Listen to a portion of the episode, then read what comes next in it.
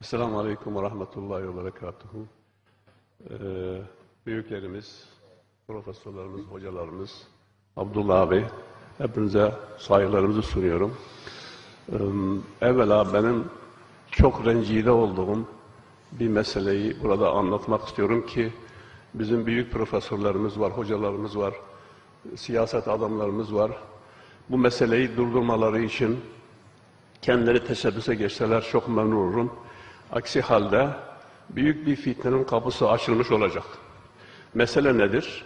Risale-i Nur'un metnine başkaları kendi sözlerini, kendi kelimelerini ilave etmedir.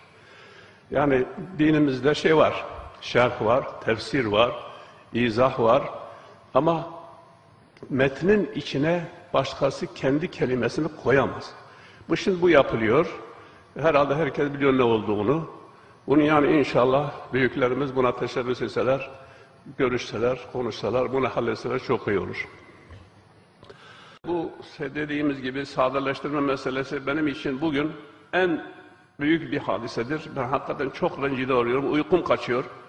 Çünkü üstadımızın yanımızda onun kesin, kat'i belgeleri var. Mesela birisi 1951'de, 51'de bir zat, meşhur bir zat, Allah rahmet eylesin, Risale'den birkaç parçayı sadeleştirerek Büyük Doğusu'nda neşretti. Büyük Doğusu'nda.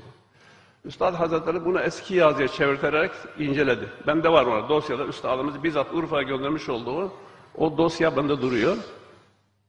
Ve Zübeyir ağabeyi, Ceylan ağabeyi devreye soktu. Bana mektuplar yazdılar. Mübarek zata, Allah rahmet eylesin. Yani Necip Fazıl Kısaküre'ye.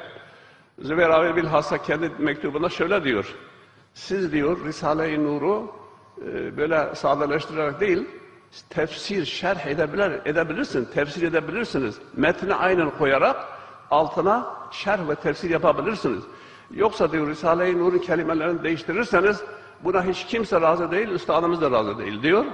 Ve böylece Ceylan abinin de mektubu var. Bunlar hepsi bende duruyor dosyada. Onun için hadise bence çok mühimdir. Allah hepinizden razı olsun. Esselamu Aleyküm.